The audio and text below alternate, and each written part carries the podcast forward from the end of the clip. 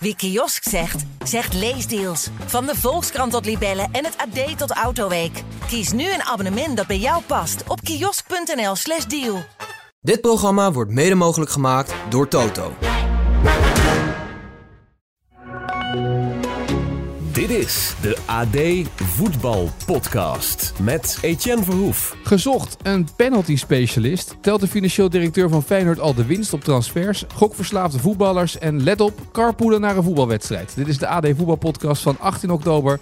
We gaan het allemaal doornemen met Mikkel Schouka. Je moet al lachen als ik hiermee beginnen. hè? Ja, ja, carpoolen. Ja, je hebt de app, je hebt de app ook gezien. Dan kunnen wij een keer gaan carpoolen via de Slinger. Slinger-app namen, samen. Het lijkt mij wel leuk om een keer Ja. met jou te carpoolen. Als je in eentje in je auto zit tegenwoordig, dan eh, overweeg dummies naast me te zetten, omdat eh, mensen anders boos worden. Ja, maar, ik zit zo graag alleen. Ja, nee, maar ik wil graag nu een keer carpoolen met je. Dat kan makkelijk, want je rijdt ongeveer praktisch langs mijn huis.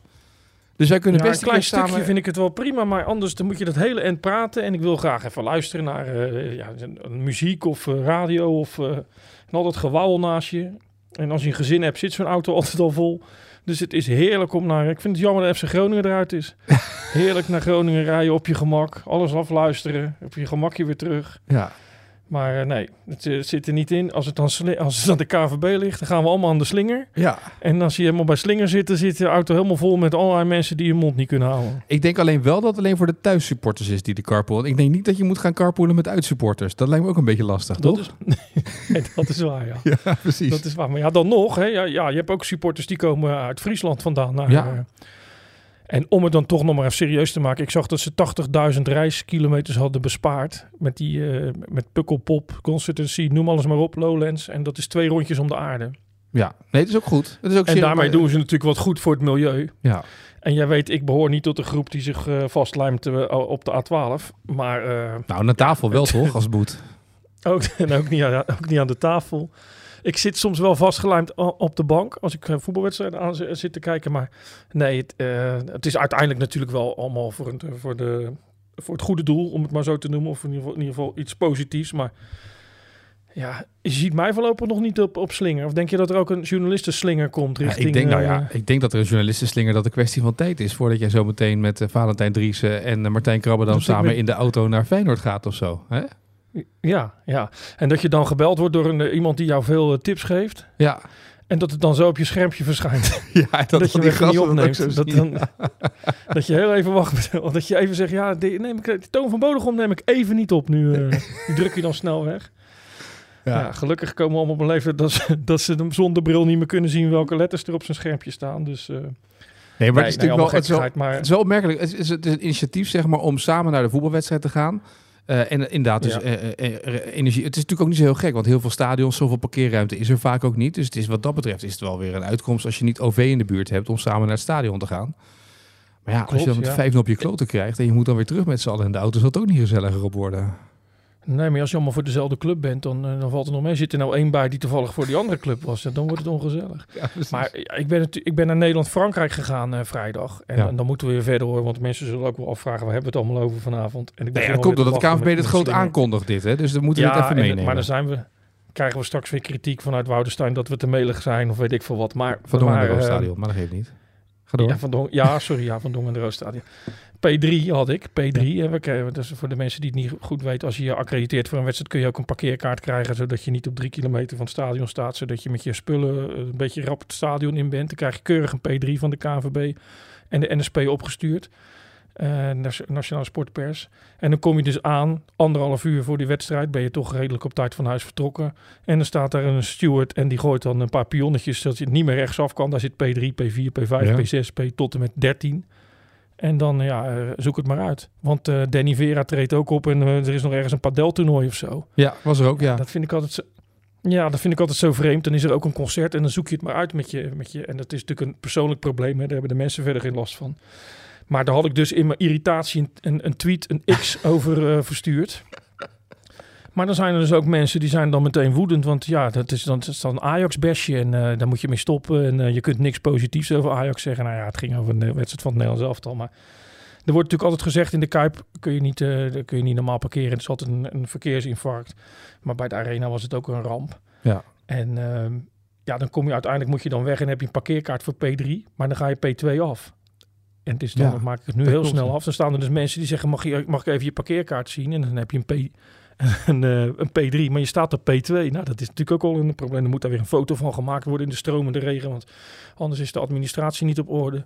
Ja, Dus aan het eind van de avond ben je blij als, als dat allemaal eh, achter de rug is. Maar een gewoon parkeerkaartje waar je gewoon op een plek kan staan. Niet eens vlak voor de deur.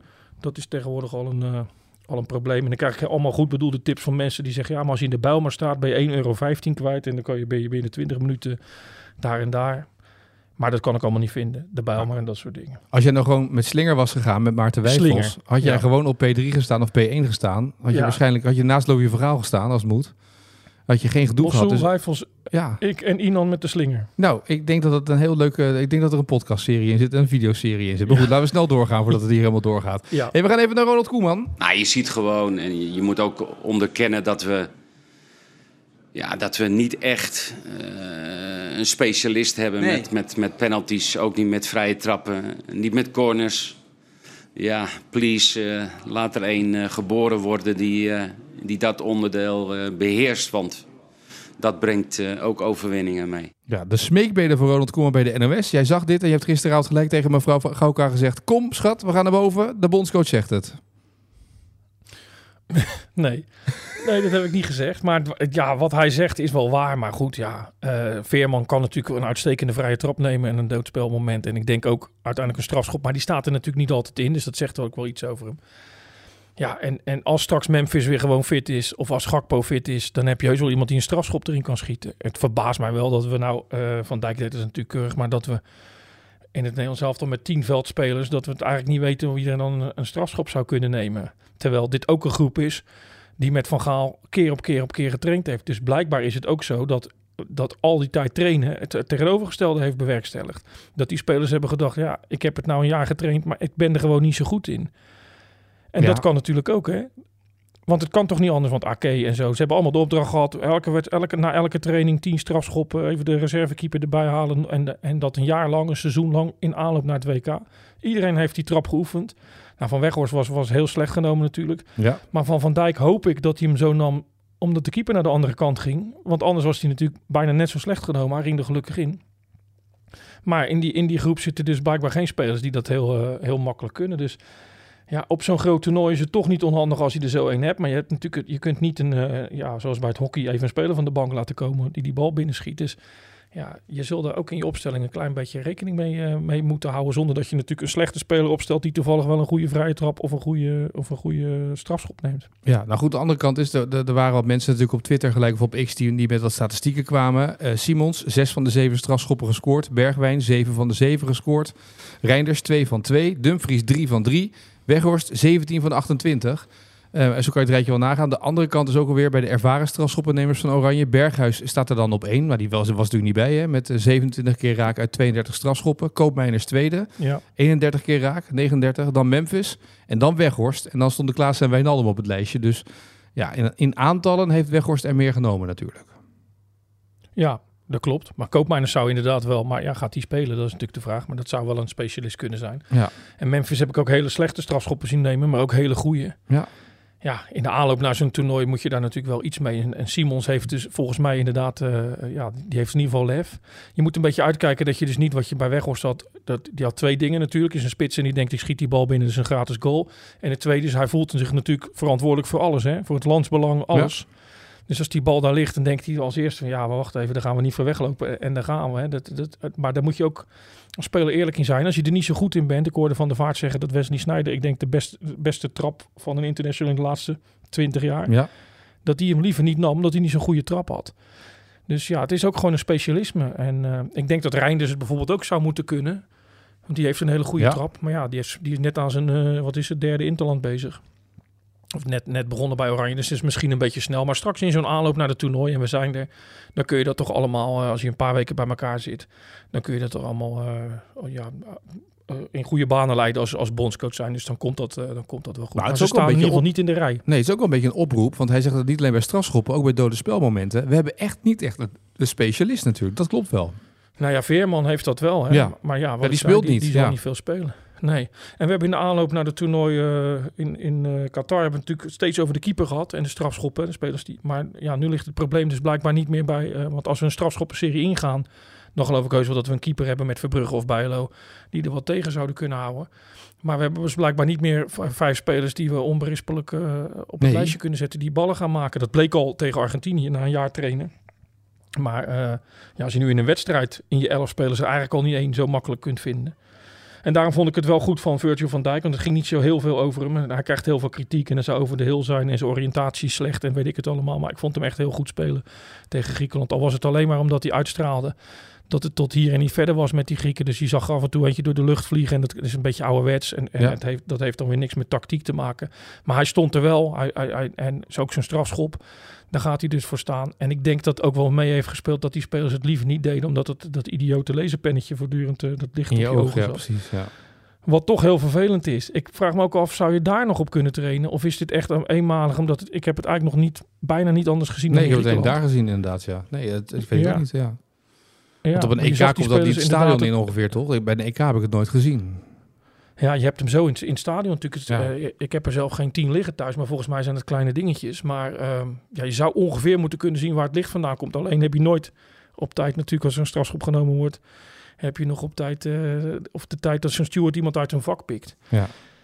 Dus, dus ja, Maar ik goed, kan is me wel beetje... voorstellen dat het je irriteert. Ja, Ik maar- zou me wel denken een strafschop missen als dat eh, als zo'n ding. Ik zou me, er- zou me er zo aan ergeren dat het echt in mijn hoofd ging zitten. Dus dat, dat ik zou zeg maar het, het, het slachtoffer zijn waar ze naar op zoek waren. Ja, maar, Maar dan, daarom neem je hebben ook geen strafschop bij toch. Daarom neem jij hem niet. Nee, nee, nee. Nee. Ja, ik bedoel, dat, dat is gekkigheid. Maar ik bedoel, karakterologisch zou je...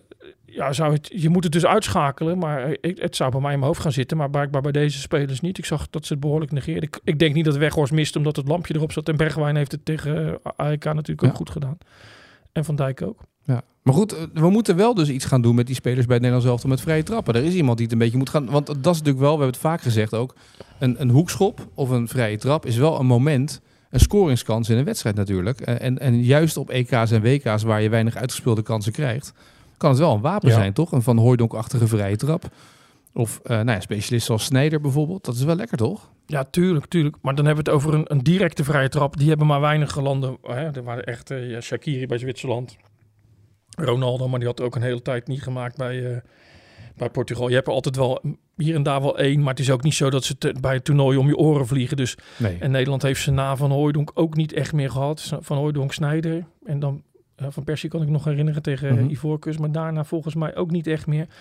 Dus dat kan, maar ik denk dat Koeman ook bedoelt inderdaad de corner die, eh, die eh, heel strak voor, eh, voor wordt gegooid. Ja. Ja. Ja. daar zit toch eh, daar zit het, het, het meeste potentie volgens mij bij eh, Reinders en bij eh, eh, Veerman. Waarbij Reinders op dit moment eh, de speler is die wat makkelijker eh, op een basisplaats af kan stevenen. Maar we zitten wel ver voor het toernooi. En eh, van de week zag ik natuurlijk ook weer, we hadden het ook over Hartman. Je ziet heel vaak naar één of twee van die interlands dat het, dat het uitgemaakte zaak lijkt hoe we gaan spelen. Maar heel snel daarna is alles alweer veranderd. Hè? Dus eh, je moet het allemaal nog maar zien. En, en Reinders heeft zich nu echt in het elftal gespeeld. Maar dit is oktober en dan komen de interlands in november. En dan komt misschien nog een blessuretje. Misschien dat er bij Milan iets minder gaat. En in de aanloop naar het toernooi kan weer veel veranderen. Dus ik, ik ben benieuwd hoe dat straks over een paar maanden... of dat nog steeds eh, zo is. En je zag ook al hè, de, de euforie rond Van de Ven. De Ja. invalbeurt van 10 minuten die echt heel goed was tegen Frankrijk. En dan de invalbeurt daarna. En dan is eigenlijk alweer het oordeel. Zo snel gaat het allemaal. Ja, maar ja, speelt die jongen linksback. En het was al een beetje een rare wedstrijd. Dat mensen daarvan zeggen... Ja, dat, het dat het misschien al met, dat het alweer weggestreept wordt. Hè? Terwijl die Ja. natuurlijk zijn potentie wel heeft, eh, heeft laten zien. Ik hoor trouwens dat zijn vader, maar ik weet niet of het ook onze podcast is, een trouw podcastluisteraar is, maar misschien niet van de goede podcast. Maar ik denk toch wel zeker wel van deze, toch? Hij is dat al Ja, een van die Marcel vele zijn. die, dus, eh, Ja. Marcel, als je, de, als je de dagelijks één actueel wil horen, eh, deze hè? Dan. Luister even naar deze, ja precies. Uh, Overigens, eh, Ja. eh, de, de smeekbeden van Koeman eh, was trouwens wel leuk. Maar ja, als er nu eh, een kind geboren wordt over negen maanden, is hij niet klaar voor het EK. Dus misschien heeft Koeman ook wel zelf wat te doen om eventjes daarop te gaan trainen en wat spelers een opdracht te geven, toch? Ja, Want Maar als, we dat zo over ook wel 18 een- jaar ja, een trappenspecialist hebben, dan zijn we al een tijdje verder. nee, nou, hij denkt er vast vooruit voor de, Ja. voor de tijd dat, eh, dat, we, een- dat, dat Reinders bondscoach is Ja, in, die, in die periode. Maar nee, ja, dat is natuurlijk, kijk, eh, hij hoopt natuurlijk dat er nog ergens iets, maar, maar dan zou je hem nu al moeten zien. Hè? De, Ja. Er zijn natuurlijk geen spelers die verborgen zijn gebleven eh, terwijl ze een geweldige vrije trap hebben. Of het moet een speler zijn die, in, die nu 18, 19 is en een razend tempo doorkomt. Maar voor dit EK is dat allemaal te kort dag natuurlijk. eh. Dat is helder. Ja. Gaat het Ehm, wel al een beetje voor je gevoel even? Tien speelsteden, hè, zag ik. De loting in december. eh, landen die zich nu wel of niet plaatsen. Heb jij je accreditatie al aangevraagd dan of nog niet? Nou, dat kan nu zo'n beetje als alle landen bekend. Dus in Ja. december kan je daaraan beginnen. December kun je eraan gaan beginnen. Het is natuurlijk wel echt groot, hè? Want eh, ja, wij zijn van de lichting 88 eh, was om de hoek en eh, toen Ja. werd het een volksfeest. Maar Duitsland en EK in Duitsland is natuurlijk goed geregeld. Is dichtbij. Het zal, eh, het, zal echt het uitverkochte stadions zijn. Ja, ik kijk er toch wel weer naar uit. En Nou, Qatar was wel. voor ons wel mooi in de zin van eh, dat, je daar, dat je daar veel wedstrijden kon zien en, en, eh, en goed kon werken. En, en voor de rest moest je vooral je mond erover houden, want, want je mocht eigenlijk niet zeggen dat je daar was. Maar Duitsland is natuurlijk heel anders. Dat is echt een voetballand. Ja. Ja, ik ben benieuwd ook of die kaart verkopen. Want je kunt al kaartjes kopen, maar je weet helemaal niet welke wedstrijd je dan hebt. Dus je zit in Gelsenkirchen en dan krijg je straks Slovenië, Turkije. Ja. Wel, Turkije zal ook wel allemaal uitverkocht zijn, maar als ze daar spelen. Maar het is wel iets waarvan je denkt, ja, dat, daar zo zat ik wel naar die wedstrijd te kijken tegen Griekenland. Ik, ben nooit, ik zit nooit op de tribune met een voorkeur, ook niet bij een eh, wedstrijd van het Nederlands elftal. Maar op dat moment denk je wel, ja, het is toch wel beter dat ze winnen, want dan zitten we natuurlijk ook op het EK. Ja, en een mooi. eh, en mooi dat is toch wel leuker om ja, te, voor ons allemaal. Zeker, daar wordt de zomer Ja. alleen maar leuker van. Overigens, over Duitsland gesproken. eh Annabel Algazi dacht daar een nieuwe carrière te hebben. Eh, en die dacht, ik ga bij Mainz voetballen. Totdat hij even een, een tweetje eruit gooide of een Instagram-postje eruit gooide over de situatie in Israël. En, en dat hij de Palestijnen steunde. Met een verwijzing ook naar antisemitisme in, op het einde. Ehm, voor, volgens Mainz. Ehm, dat is hem duur komen te staan, want die is gewoon weggestuurd nu. Hè? Dus je mag als voetballer, en, en ongeacht wat je schrijft, hè, maar dat is op zich wel... Ja. Hè, je, Ja, dat is zo. Het is non-actief, hè? Dus Ja. ik, ik, ik weet niet of hij niet meer terug mag keren, maar het ziet er slecht uit. Dus ja, als hij de normen en waarden van die club niet, eh, niet wil uitdragen, dan, dan nemen ze dat soort beslissingen. Maar het blijft natuurlijk heel moeilijk, want ja, een partij kiezen in dit conflict is, is dus gevaarlijk. En zeker als je die partij kiest in het, in het Westen. Dus eh, ja, er- erg moeilijk. En je, je zou eigenlijk denken, ja, hou je maar een beetje op de vlakte. Aan de andere kant heb ik ook altijd wel respect voor mensen die zich eh, uit durven spreken. En zeker met een mening die nou niet ehm, eh, door iedereen gedeeld wordt. Maar dit is wel natuurlijk een beetje, eh, een, beetje een linker. Hè? Hij zal de Palestijnse, Pa- Palestijnse volk steunen, en niet Hamas. Hij noemde het ook Lijkt genocide, noemde hij het ook. Hè? Want hij heeft, hij heeft wel harde Ja. woorden gebruikt. Omdat hij zei, ja, zij, je kan nucleaire wapens als de een het niet heeft en de ander wel. Dan is dat niet een verre oorlog. Heeft hij, dus hij heeft wel, een, heeft wel over nagedacht wat hij schreef. Ja, Masraoui was natuurlijk was helemaal Ja, voor. was hè. ook al Dus- gebeurd, En ja. zeker in Duitsland Ja. zijn ze erg strikt. Dus eh, ik ben ook benieuwd of dat hier nog, eh, of dat hier nog een rol gaat spelen. Of, of mensen zich in, de, in politieke eh, uitingen gaan, gaan begeven. En dat dat problemen oplevert. En hoe clubs hierop reageren. Maar Duitse clubs, daar weet je van, ja, die zijn erg strikt. En, en, en houden hier gewoon niet van. Dus ja, dat kan je carrière ernstig in de weg zitten. Dus dan moet je wel heel erg... ehm, ehm, dan moet je wel heel erg eh, erop staan dat je die mening wil uitdragen als je, dat, als je weet dat er consequenties kunnen zijn. Ja, ik vraag me ook af of die eh, clubs dat nu bespreken met hun spelers over dit soort situa- situaties. Wat ga je wel en niet posten? Want in principe is de speler natuurlijk eigenaar van zijn eigen kanaal. Ehm, dus een speler ja. kan dat benutten om daar wat op neer op te zetten. Eh, maar je kan als club natuurlijk ook Ja. zeggen, jongens, wat doen we hier nou mee? En dat met elkaar bespreken. Maar ik vraag me af of dat ook daadwerkelijk gebeurt. Nou ja, niet denk ik. Maar dat is wel iets waar, waar je ook, we hebben het er van de week natuurlijk over gehad, over dat team wat je ervoor formeert. En dat je Ja. ook eh, mensen moet hebben die in de media moeten steunen. Maar clubs moeten daar ook natuurlijk, we hebben die aanvoerdersband gehad, zouden daar ook een beetje beleid op, op kunnen gaan maken. Zonder dat je natuurlijk kunt zeggen, ja, jij moet voor, in dat conflict moet je voor die partij zijn of voor die. Maar je weet wel, ja, als je een mening uitdraagt, dan, dan heb je een deel tegen en je zal ook een deel mee hebben. Maar je hebt wel met je werkgever te maken natuurlijk.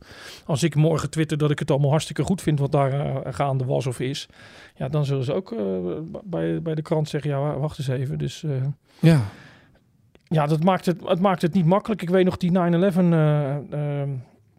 eh, gebeurtenissen, hè, die, die tragedie. Toen eh Kerstman was het volgens Ja. mij, die natuurlijk in de kleedkamer bij PSV zei van ja, dat is hartstikke goed. Ik, eh, Het was niet de letterlijke quote, dus pin me er niet op vast. Maar die kwam eigenlijk, het was boontje om het loontje toch, wat, Ja. eh, wat ze daar kregen. En die had natuurlijk te, dat had natuurlijk te maken met die bombardementen op, eh, op Joegoslavië, voormalig Joegoslavië toen. Dus ja, en dat zet dan weer kwaad bloed bij de andere spelers. Of die vonden dat weer minder leuk. Dus eh, het is gevaarlijk in politieke kringen. Dus je, misschien kan je er beter niet in mengen. Maar waar ik aan het begin zei, ik hou ook wel van mensen die zich toch wel durven uiten. Maar of het verstandig is, is natuurlijk, uh, is natuurlijk een tweede. Ja, uiten is één dan, maar doe bespreek niet met de club. Ja, ik weet niet of dat, of dat een soort van uh, tegenwoordig gebruikt Maar je zou er bijna niet aan ontkomen met al die uh, social media dingen, wat allemaal wordt bijgehouden natuurlijk. Nee, want het is non-actief stellen. Moet je natuurlijk ook juridisch gezien, ja, moet je precies. daar wel grond voor hebben. Dus ik weet niet of dat, of dat juridisch gezien zo hard is wat ze nu hard kunnen spelen.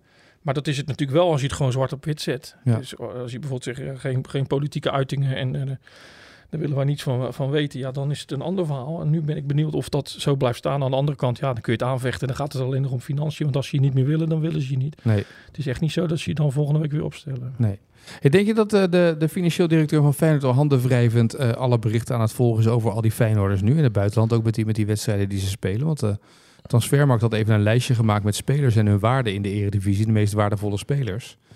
Ja, nou, ja de selectie van Feyenoord is is veel meer waard dan die van Ajax en van PSV. Hè? Dat had je natuurlijk, uh, tenminste op basis van die cijfers. En er moet wel bij gezegd worden, het, dat is natuurlijk enigszins natte vingerwerk. Niet het natte vingerwerk dat je het in groep drie uh, op school neerlegt bij de kleuters en zegt, veel hier is een getal en dus er is wel over nagedacht. Maar hier en daar is het enigszins gekleurd. En het is, het is natuurlijk toch een beetje een gok. Maar stel dat je, dat je denkt van ja, als je 10% uh, een beetje naast mag zitten, dan zou Feyenoord nog steeds meer waarde vertegenwoordigen dan Ajax en dan dan PSV. Dus dat is, uh, dat is, dat is knap.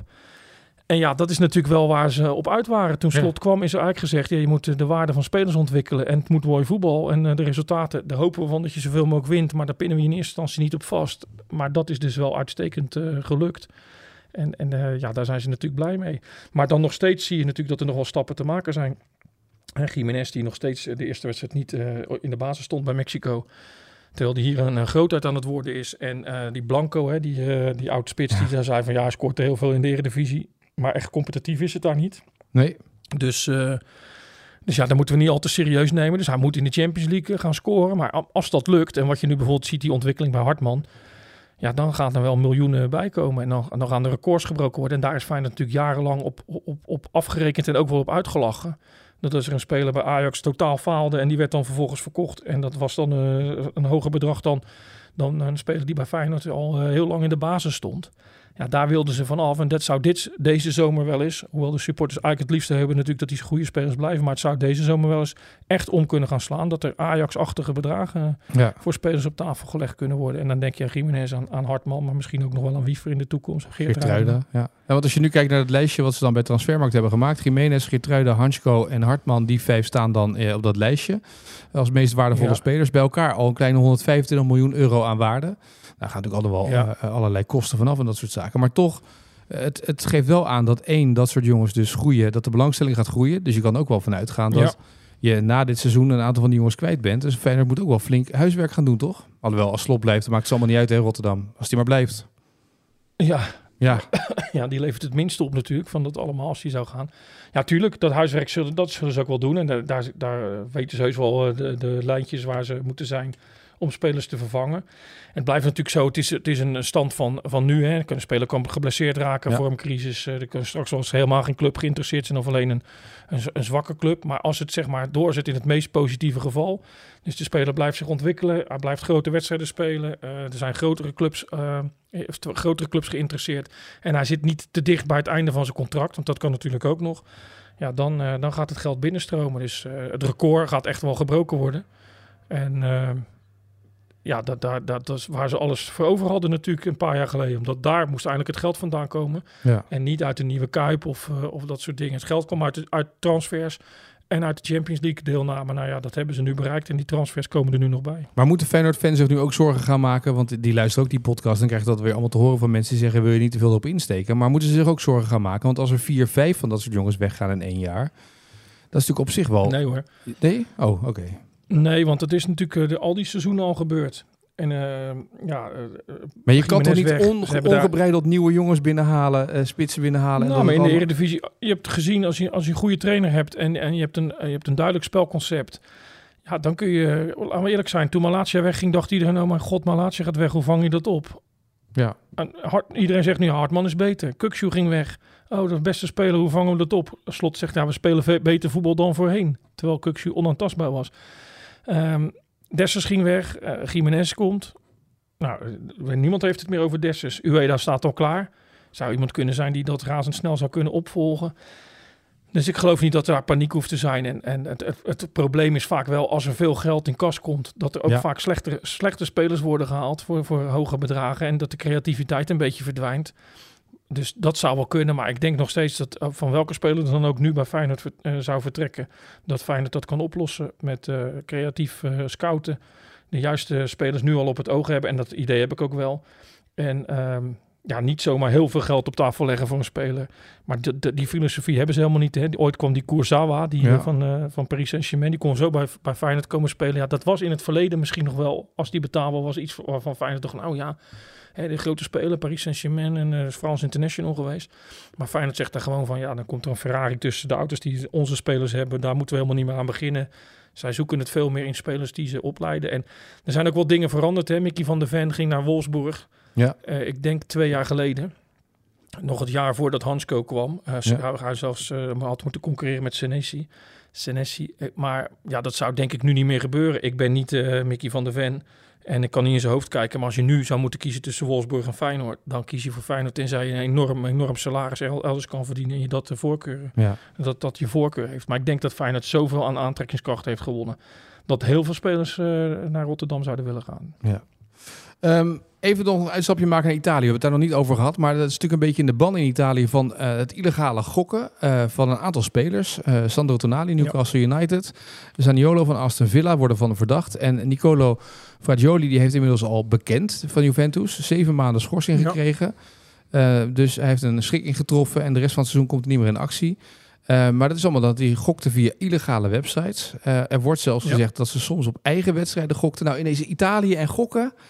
Als je het even opzoekt, Buffon is ooit, eh, heeft onder anderhalf miljoen euro vergokt eh, in twee- Ja. eh, 2012. eh, en dat soort zaken. Maar Maar ook wedstrijden beïnvloed, hè? Paolo Rossi, Ja. het beroemdste geval natuurlijk. Ja, het is veel vaker voorgekomen. In dit geval zou er drie jaar op hebben gestaan hè, bij deze speler. Maar, omdat hij is gaan praten en omdat hij van die verslaving af wil... is het teruggeschroefd naar zeven maanden. En hij heeft vijf maanden en, en nog extra om een traject om, om er helemaal vanaf te komen. Hij gaat lezingen houden, noem alles maar op. Maar hij heeft Tonali eh, genoemd. Hè? Tonali zou de man zijn geweest die, eh, ja, die hem aan die, die app heeft geholpen. ja, En, en waarin hij is gaan gokken. En dus er, zijn, er gaat nog meer rollen. Natuurlijk Saniolo, eh, die speler die de Conference League finale toen besliste tegen Mhm. Feyenoord. Wordt ook genoemd, is, is weggestuurd uit de Italiaanse ploeg. Dus ja, het is best wel groot. En ehm, ik vraag me dan altijd af, wat veel mensen afvragen. Hè? Als je nou zoveel geld hebt, ja, waarom zou je dan nog gokken? Maar dat heeft natuurlijk niks met geld te maken. het is- met- het is je, je hoort vaak bij de jongens die dat hebben dat het met verveling te maken heeft. Dus je hebt al zoveel geld. Ja. Ik dacht, Phil Mickelson, die golfer, die heeft dus 1 Ja, klopt. miljard vergokt. Hè? Dat, is nu, dat boek is nu uit? Ja, die zit nu bij Saudi-Arabië bij de Lift Tour. Maar die heeft Ja. dus 1 miljard in zijn carrière vergokt. Dat, dat is het verhaal dat gaat. Ja, dat is natuurlijk bizar om over na te denken. Maar de verveling en de En verslaving... dan moet je... Klopt, en dan moet je natuurlijk weer wel echt geld gaan verdienen om dat weer eh, bij te spijkeren. Ja, Maar veel spelers vinden dat toch eh, blijkbaar leuk. En het is bij veel, begrijp ik, niet eens op een eigen wedstrijd gokken. Want dat is natuurlijk in eerste instantie wat je denkt. Ja, eh, heb je ook nog een balletje onder je voet door laten gaan... omdat je dan een, een tonnetje wint. Of, maar daar schijnt helemaal bij veel gevallen geen sprake van te zijn. En Tonali is ook verslaafd. Hè. Zijn, zijn zaakwaarnemer heeft het al gezegd. Maar het is toch een grote aankoop geweest van Newcastle United. En je kent het lied hè, van de Newcastle United supporters. Mhm. I wanna dance with Tonali. I wanna win the league with Tonali op de, eh, de, de tune van Whitney Houston. Hè? ja. Als ik hem voor je zing, maar ik kan niet zingen, dan Nee. heb je hem de hele dag in je hoofd. Maar je kunt, kunt hem ongeveer uittekenen. Maar ja, dit is best een grote speler. Dus eh, ja, die, die, is, die is in grote problemen. Maar uiteindelijk wordt hij waarschijnlijk eh, hier beter van, omdat hij geholpen gaat worden om die verslaving, van die verslaving af te komen. Ja, maar het, blijft, het, het is wel een ding aan het worden. Want nou ja, goed, we hebben het hier in Nederland gezien natuurlijk met die verhalen die we ook in de krant hadden. Dirk Kuyt met de zakken geld die hij eh, ophaalde bij een polstation bij wijze van spreken. Klaasie. Eh, Klaasie. Ehm, het- Ja. Ergens zit er iets in dat de verveling toeslaat. En als je het geld hebt, dat je dus kennelijk maar even tik-tik op een app of weet ik veel wat. En eh, zo zijn Ja. natuurlijk alle verhalen over matchfixing ook ooit begonnen. Hè? Jongens die verslaafd zijn geraakt aan gokken en dan op die manier in een circuit terechtkomen. En daarmee op een latere Ja, dat leeftijd. zou natuurlijk het gevolg kunnen zijn. Ja, Ja, Als je dus dan toch, een paar keer omdat je het leuk vindt, maar later kom je het geld tekort en ga je het, ga je, ja, moet het om het geld gaan. Ja, als je een miljard vergokt, zoals in de, in de go- golfwereld, ja, ja. ja, dan heb je het geld wel nodig. En dan denk ik dat je ook wel bereid bent om een balletje verkeerd te slaan. Nou ja, precies. Maar dat is het. Je moet Ja. eigenlijk niet. Je moet voorkomen dat je in die positie terechtkomt. Maar ja, lig dat maar eens uit. Als je verveeld ergens op een eh, terras zit en je denkt, wat ga ik nu doen? Ja. Maar het is toch vaak Italië, hè, waar, eh, wat, wat natuurlijk wel altijd wel eh, in dit soort situaties verzeild raakt. Maar zou dat iets te maken hebben ook met de, met de maffia en eh, Zwarte Toto en dat soort zaken? Mm, Ja, dit, pff, ik durf het niet te zeggen. Als je zegt van ja, het zit een klein beetje in die, dan, dan, dan vergeef, begeef je je al op glad ijs. Maar het valt wel op dat het toch vaak uit eh, Italië vandaan komt. En je weet ook wel, eh, de Oostbloklanden en zo, eh, ja, Griekenland, daar, daar gaat het ook wel eens mis met een Ja, scheidsrechter en zo ja. in een wedstrijd. Maar dit, ja, dit zijn toch gewoon jongens die gewoon op wedstrijden hebben gegokt. Maar ik ben wel echt benieuwd hoe dat nou, eh, of dat allemaal openheid eh, komt over wat er nou precies gaande is geweest. Heeft hij gewoon op wedstrijden gegokt? Heeft hij, is dat tegen de regels? Maar is die, is die ook inderdaad wedstrijden gaan beïnvloeden? Ja. Of hoopte hij daarop? Eh, ja, dat is wel interessant om te zien. En of dat dan ook inderdaad niet alleen in dat soort landen voorkomt, maar of dat ook weer is uitgewaaid naar, eh, naar de lage landen. Ja, en hoe dat ook gaat. Want waarschijnlijk hebben die gasten met elkaar contact. Ik doe dit of ik doe zo. Want uiteindelijk ga je daar... Hè, dat, dat, dat kringetje wordt steeds Ja. groter natuurlijk. Je moet het een keer proberen. Dat heb je een beetje gezien toch ook met hoe het in Nederland gegaan is met die site van die Hagenees waar allemaal mensen achter zaten. Ja, Beugelsdijk en en zo dit is denk ik dan toch een geheime app, hè, neem ik aan. Ja, het is een illegale app website. ge- Ja. Ja. Ja, ja. Ja. Ja, je weet vroeger, hè, maar daar hebben we het wel eens vaker over gehad. Dat je dan, dan werd er bij de amateurclubs, ja, kon je ook de illegale eh, toto spelen. Hè? ja. Maar eh, ja, dan kwamen ze binnen en de week daarna werd dat cash uitbetaald. Maar dan heb ik het wel over 30 jaar geleden. En naar de groenteboer schijnt, hè? Maar dat is, dat is nooit helemaal bewezen. Maar kon je ook naar de groenteboer schijnt. Ja, ja, ja, als scheidsrechter, ja. Maar het blijft wel een gevaar voor de, voor de voetbalsport Ja. natuurlijk. Omdat je inderdaad... Ja, het, het kan allemaal een beetje bleu beginnen en onschuldig. Maar eh, het kan natuurlijk grote, grote gevolgen hebben. Voor, en eh, ja, als je, als je als toeschouwer toch later erachter komt... dat wedstrijden beïnvloed zijn door spelers waar jij gek van was... of, of clubs of medespelers. Ja. Je, bij ADO Den Haag werd destijds een hele groep spelers genoemd. Ja. Hè? Dat is ook uiteindelijk nooit bewezen. Maar ik weet nog dat de vrouw van een van die spelers... op de cover van de VI stond. Ja, klopt. Ja, dat was die van Daniel. Rijkaard, die linksback, was dat. Klopt, ja. Ja. Uite- ja, uiteindelijk is het nooit eh, bewezen. Maar het is, dat is natuurlijk ook eh, moeilijk. Maar, maar dat ging echt over wedstrijden beïnvloeden. Ja. En in dit geval is het, is het volgens mij nog niet aangetoond of bewezen dat de wedstrijden zijn beïnvloed. En, en de, gezien het was, eh, geringe aantal maanden schorsing, denk je dat het ook wel meevalt. Ja. Ja, maar het wordt wel... eh, want ik, ik, dat verhaal wat eh, Rick Spekerbrink een tijd geleden ook bij ons in de krant had staan over die tennissers, die dus eh, ook een speciale app hadden op Ja. Roland Garros, waardoor dus alles gefilterd werd. Wat je, maar die krijgen dus als ze een partij verliezen letterlijk van gokkers uit heel de wereld doodsbedreigingen over... Moet je nagaan, dus we hebben het net over hè, wat Algazi dan neerzet op, op Instagram, maar hoe dat dus gaat nu met die sociale media. En dat voetballers, dat, dat sporters dus gewoon doodsbedreigingen krijgen omdat ze een tenniswedstrijd hebben verloren van gokkers. Ja. Ja, als je Ja. daarover na gaat denken, daar zit een wereld achter Nou. waar, je, waar je eigenlijk bijna, zeg ik, die... Nou, ik heb ook wel eens een, eh, op, op, op wat wedstrijden gegokt, hè? gewoon in, op normaal eh, niveau. Maar dan ben je inderdaad wel kwaad ja, als, een als een speler vlak voor tijd net even de fout maakt, waardoor jouw bedrag, eh, en dan ging het niet om enorme bedragen. Maar dan heb ik er geen, geen doodsbedreiging uitgegooid. Maar ja, dat is wel hoe mensen gaan meeleven natuurlijk. Ja. Als, het, als het even niet om 30, om 50 of om 100 euro gaat, maar om eh, veelvoud. Ja, dan verliezen mensen ook de realiteitszin. Ja, maar de vraag is vooral, hoe ver gaat het nog komen in Italië? Daar zullen we de komende maanden waarschijnlijk wel meer over gaan horen. Gaan we maar een beetje volgen in deze podcast. Eh, tot slot, Mikos, eh, denk ik dat het maar eens tijd wordt om naar de vraag van vandaag te gaan. Wat vind jij? Ja, dat vind ik goed. De vraag van vandaag. Nou, dan komt hij. De vraag van Sjoerd van gisteren.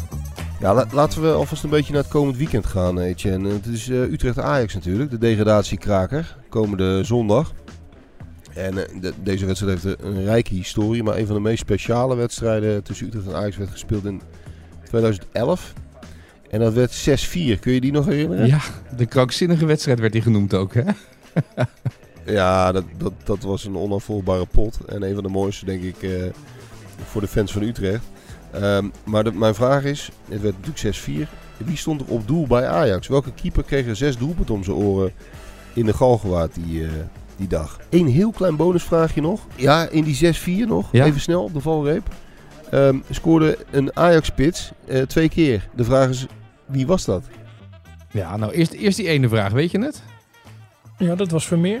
Ja, dat klopt. Want ik zie hier Jasper Clash, die stuurt via Instagram een berichtje. De doelman eh, was Kenneth Vermeer. Volgens mij maakt hij ook nog eens een mega blunder, zegt hij. En die kreeg hier een Nou, bericht van... Ja, Tim van de Heiligenberg die zegt... Ik, dat was natuurlijk Kenneth Vermeer. Ik was hierbij als kleine jongen, dus ik wist deze de blote hoofd. Eh, dus die vraag had je Ja, goed. Ja, heel goed. Boeijekin inderdaad, ja. Dat waren eh, via Twitter waren er wel mensen via X die dat hadden. Want die Ja. eervolle vermelding moeten we even... Want er waren heel veel mensen die op Instagram alleen de eerste vraag hadden. Maar die tweede eh, was inderdaad Boeijekin. Bijna, bijna vergeten spits, toch? Ja, ja, ja, nou ja, bij ADO natuurlijk geweldig gedaan. En Ja. bij Ajax af en toe. De Ja. spits die eigenlijk te dik was en toen eh, zijn shirt omhoog zijn. Het zijn allemaal spieren. Trainer geeft me een kans bij ADO. En toen Ja, een groot succes werd. Hè? ja, precies. Jordi uh, heb Morsink had het die goed. wedstrijd. Oh, echt waar? Nou, Jordi Morsink had hem trouwens goed, dat allebei goed. En ook Escobar. Eh, zo is zijn Twitternaam trouwens. Niet dat we nu eh, Oh, ineens jee. eh, rare berichten krijgen. die wist dit Maar ook die moeten namelijk. klaar zitten dan? Ja. Of die mogen niet meer meedoen? ja, wel mogen allemaal meedoen. Maar En Johan El wedstrijd- Tercero mocht het ook. Ja, bij deze. De invol, eervolle vermeldingen. Ja. En die wedstrijd maakte Utrecht, hè? Want het ging nu natuurlijk weer over Ajax, zoals het altijd over Ajax gaat. Maar en, ja, niet bij jou hoor, maar ik bedoel in Nederland. Utrecht maakte zes goals, hè, die wedstrijd. Ehm, als je Anouar Kali ziet als een speler die voor Marokko zou moeten uitkomen of kunnen uitkomen, eh, om, het even makkelijk te maken, dan was er maar één speler, een Nederlands, een, een, speler die in het Nederlands elftal zou kunnen spelen. Dat heeft hij nooit gedaan hoor, en jij kent hem goed. Die die wedstrijd scoorde. Dus de, voor de rest waren het allemaal spelers van buitenlandse afkomst. En Kali reken ik daar dan even bij, zonder dat het meteen een rel moet zijn, Mhm. omdat eh, hij is in Nederland geboren, noem alles maar op. Maar volgens mij had hij voor Marokko willen spelen, of heeft hij dat zelfs ook voor de, voor de jeugdhelftallen. Maar daar gaat het even niet om. Er was één duidelijke Nederlandse speler die in die wedstrijd eh, ook scoorde. Wie was dat? De rest van de goals werd gemaakt door buitenlandse spelers en daar rekenen we Kali dan even bij. Oké, nou mocht je dat weten, laat het even weten via X met de hashtag AD Voetbalpodcast. Of eh, laat het even weten eh, via Instagram. maar dan door middel van een berichtje. En ik weet nou toevallig wie het is. Die heb ik vandaag namelijk gesproken ook, diegene. Dus volgens mij is dat degene ook die die goal heeft gemaakt. Maar mocht je het weten, laat het even weten via Instagram. Eh, dan wel eh, via eh, X met de hashtag AD Voetbalpodcast. Zijn trouwens hele beroemde USB-sticks van die jongen gemaakt ooit. Maar dat eh, morgen meer erover. Ja. Ja. Eh, morgen een Ja. nieuwe AD Voetbalpodcast. En eh, ik wens je een mooie dag, Mikos. En eh, tot de volgende. Oké, hetzelfde. Dit programma werd mede mogelijk gemaakt door Toto.